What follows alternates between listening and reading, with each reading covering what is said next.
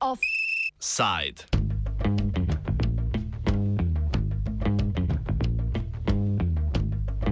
Vojaške malhe sveta se polnijo. Kaj pa ostalo? Večina sveta je še vedno v primežu globalne pandemije, vendar to določenih področji na globalni ravni še ni resneje prizadelo. Mednje vsekakor spada področje obrambe in z njo povezane industrije. Seveda, ko govorimo o izdatkih za vojsko, govorimo o širokem področju potreb, od nabave novih bojnih sredstev do usposabljanja in plačevanja vojaškega osebja. Poročilo, ki ga je izdal Inštitut za mirovne raziskave v Štokholmu, izpostavlja, da so se v letu 2020 izdatki za obrambo povečali na več kot bilijon in pol evrov ali nekaj manj kot 2,5 odstotka svetovnega BDP-ja. Po njihovih podatkih gre za največjo porabo finančnih sredstev za obrambo po letu 1988, ko so začeli z zbiranjem podatkov. Poraba se je povečala v vseh regijah sveta, čeprav ne v vseh državah. Brazilija in Južna Koreja sta naprimer finančna sredstva v, pretek v preteklem letu zmanjšali. Kot največji investitorji v obrambo prednjačijo Združene države Amerike, Kitajska, Indija, Rusija in Velika Britanija, katerih poraba znese 62 odstotkov celotne porabe. Izredni profesor obramboslovja z Fakultete za družbene vede Vlad Vladimir Prebilič vidi razlog za povečanje vojaških investicij tudi v negotovi globalni geopolitični sliki. Naš svet oziroma ta ureditev, ki jo imamo med tremi velikimi centri, se pravi Rusko federacijo, Rusko republiko, Kitajsko in Združenimi državami Amerike manj stabilen oziroma ni popolnoma jasno definiran. Predvsem ne razmerja moči med vsemi tremi in prav te tri države danes eh, najpomembnejše prispevajo k temu, da se izdatki na globalni ravni povečujejo. Ti so dosegli najvišjo stopnjo rasti oziroma najvišjo akumulativno vrednost, gre za 2 trilijona dolarjev, kar je če postavimo v kontekst evropskega razumevanja, eh, več kot je proračun Evropske unije v celoti, gre samo za obrambne namene. Eh, torej, da, dejansko gre za eh, vzpostavljanje novih razmer moči in seveda zato potem potrebujemo tudi tako imenovanje trdo moč, moč, ki pomaga lahko v tistih segmentih, kjer bi ne mara mehkejša moč, predvsem tukaj govorimo o diplomaciji, bila manj uspešna oziroma celo neuspešna. Toda razlog za povečanje investicij v obrambo ni zgolj v kopičenju oborožitve in enot v globalni igri vpliva, temveč se investicije povečujejo tudi zaradi vse večjih stroškov modernizacije ali reorganizacije vojske ter izboljšanja položaja vojaškega osebja. Tako dr. Diego López da Silva, raziskovalec, ki sodeluje v programu pregleda orožarske in vojaške porabe Štokholmskega inštituta za mirovne raziskave, pove, da izdatki za obrambo rastejo skoraj neprekinjeno od začetka tega tisočletja.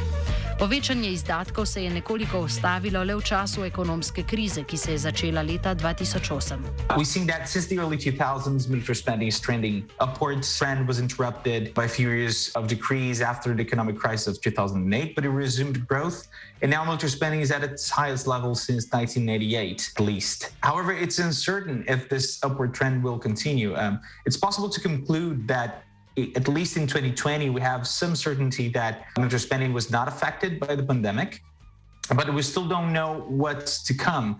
I mean, in 2008, the countries adopted austerity measures following the, the economic crisis. So they cut back public expenditure, including military spending. But this time around could be different. At least in Europe, there is this whole debate going on of, uh, of countries and governments trying to point back to the consequences of decreasing military spending after 2008, saying that it was harmful for their own defense, and that countries should not do this again following the, the pandemic. But then again, this could inform their decisions, but there are other priorities, such as you know, really controlling the pandemic and increasing health spending. So these two types of expenditure will also compete for the years to come. It also has to do with how much countries are willing to acquire debt to continue to increase public expenditure. There are many variables still in the air that we don't have enough information yet to make an informed guess.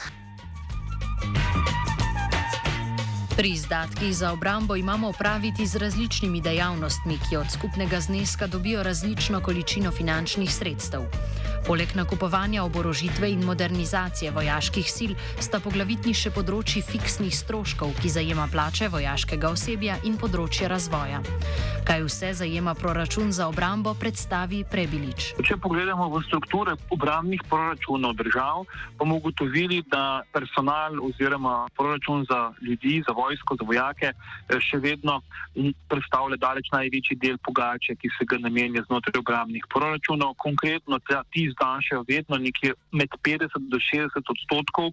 Seveda imamo tudi anomalije, recimo slovenska vojska, kjer se namenja za tako imenovane fiksne stroške ali pa plače, če želite, še bistveno več denarja. Ampak Če se ustavimo v tem generalnem pogledu, potem je nekje med 50 do 60 odstotkov obramnih proračunov namenjena za plače vojakov in temeljno vojaško oborožitev. Drugi, drugi segment, eh, ki je tudi pomemben, je nakup orožja in tretji je eh, research and development oziroma raziskave in razvoj. V obeh teh kategorijah pri nakupih in raziskavah in razvoj eh, pa velja pomeniti, da gre večina teh sredstev v tiste segmente posameznih obramnih sistemov držav, kjer država ocenjuje svojo, recimo, temu geostrateško šibkost. Kot dodaja Prebilič, delež sredstev, ki se jih nameni za vojaško osebje, kaže, da je življenje vsakega vojaka zelo politično pomembno in da ta pomen prepoznava tudi civilna družba. Hkrati pa se zaradi tega razvija tudi nove tehnologije, ki bi zamenjale vojaka na samem bojišču, saj bi bilo za državo to bolj ugodno, tako finančno, še bolj pa z vidika javnega mnenja.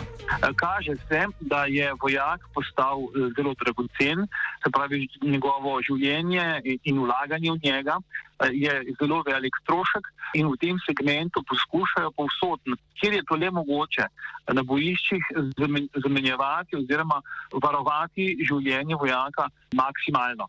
Tudi generalno gledano, govorim v smislu civilno-vojaških odnosov, se kaže, da smo civilne družbe v tem segmentu napredovali. Torej, za nas je pomembno življenje vojaka in praktično ni vlade na tem svetu, ki bi lahko za roko zamahnila ob dejstvu, da bi nekdo izgubil na bojišču nekaj tisoč vojakov. Čeprav obrambni izdatki nudijo zaslombo državi, da se brani in odziva na grožnje, je povečanje vojaških sil in sredstev za obrambo vprašljivo posebej v času pandemije. V času, ko državam primankuje sredstev za zdravstvo, spodbujanje gospodarstva in ne nazadnje odpravljanje posledic prejšnjih vojaških spopadov. Kot povdari Lopez da Silva, je pred državami in družbami resen izziv, kako uravnavati različne potrebe. This is a difficult thing, and each society will have to face this choice and choose uh, an answer for this. But that's a complicated situation because sometimes countries are in conflict, as we had in 2020. For instance, Morocco and the, and the conflict in, in Western Sahara, they had an increase of nearly a third in military spending, but were also hit during the pandemic, of course, as many other countries. So you have the situation where there is a conflict, but also there is a health crisis going on, and of course, many other uh, uh, sectors of the state need to be need to be funded. So that's a really complicated uh, situation um, to be. And of course, each society will have to, to decide on these issues and deliberate among, among themselves. Oboroževalne vojne, v kakršno se trenutno vedno bolj zapletata Kitajska, ki povečuje in izboljšuje svojo mornarico ter dele kopenske vojske, ter ZDA, ki trenutno več pozornosti namenja zamenjavi letalonosilk ter novim tipom letal, niso več le zgodovinsko dejstvo hladne vojne. Vendar so se ponekod po svetu ustvarili tudi mehanizmi, ki omogočajo lažje soočanje z varnostnimi dilemami in oboroževalnimi vojnami. Vse troje predstavi Prebilič. Oboroževalne vojne in varnostne dileme sta dve zadevi, ki gresta v narekovajih z roko v roki. Predvsem gre za to, da je oboroževanje element odvračanja. Torej, zakaj države izdatno investirajo v svoje obrambne kapacitete? Je razlog v tem, da želijo skozi te investicije eh, sporočiti eh, tistim, ki bi eh, potencialno lahko ogrožali njihovo varnost, da mislijo resno, da so pripravljene, oziroma da naj ne poskuša kdorkoli že z nekim vojaškim ali drugim napadom na njih, ker bodo uh, manj uspešni oziroma neuspešni. Torej gre za neko, recimo temu, naložbo v prihodnost in stabilnost, kar pa seveda ni vedno tako. Namreč, da imamo sicer v Evropi različne organizacije, ki omogočajo direktno komuniciranje, recimo ena izmed nekih organizacij za varnost in sodelovanje v Evropi, kjer so taki ekscesi, ki smo jih imeli v času hladne vojne, manj možni. O čem govorim? Gre za to, da države, ukolikor začutijo varnostni vakum, če začutijo, da jim ne gre dobro oziroma prepoznajo, obravnavajo v ravnanju sosede ali kakšne druge države namene agresije, se potem sestane oziroma skliče sestanek držav, ki potem te zadeve natančno proučijo in imajo tudi možnost pojasnitve, zakaj počno, kar počno. Ne glede na realne potrebe, potem lahko torej pričakujemo, da se bo trend večanja porabe za obrambo globalno, za obrambo globalno nadaljeval. Ob tem je težko z izgovorom obrambe opravičiti dejstvo, da orožje kopiči peščica držav, ki imajo hkrati jasne geopolitične interese. Upamo pa lahko, da bo kmalo poleg denarja za vojaške izdatke tega dovolj tudi za druge pomembne aspekte delovanja družbe, saj je vsak od njih pomemben za njeno delovanje.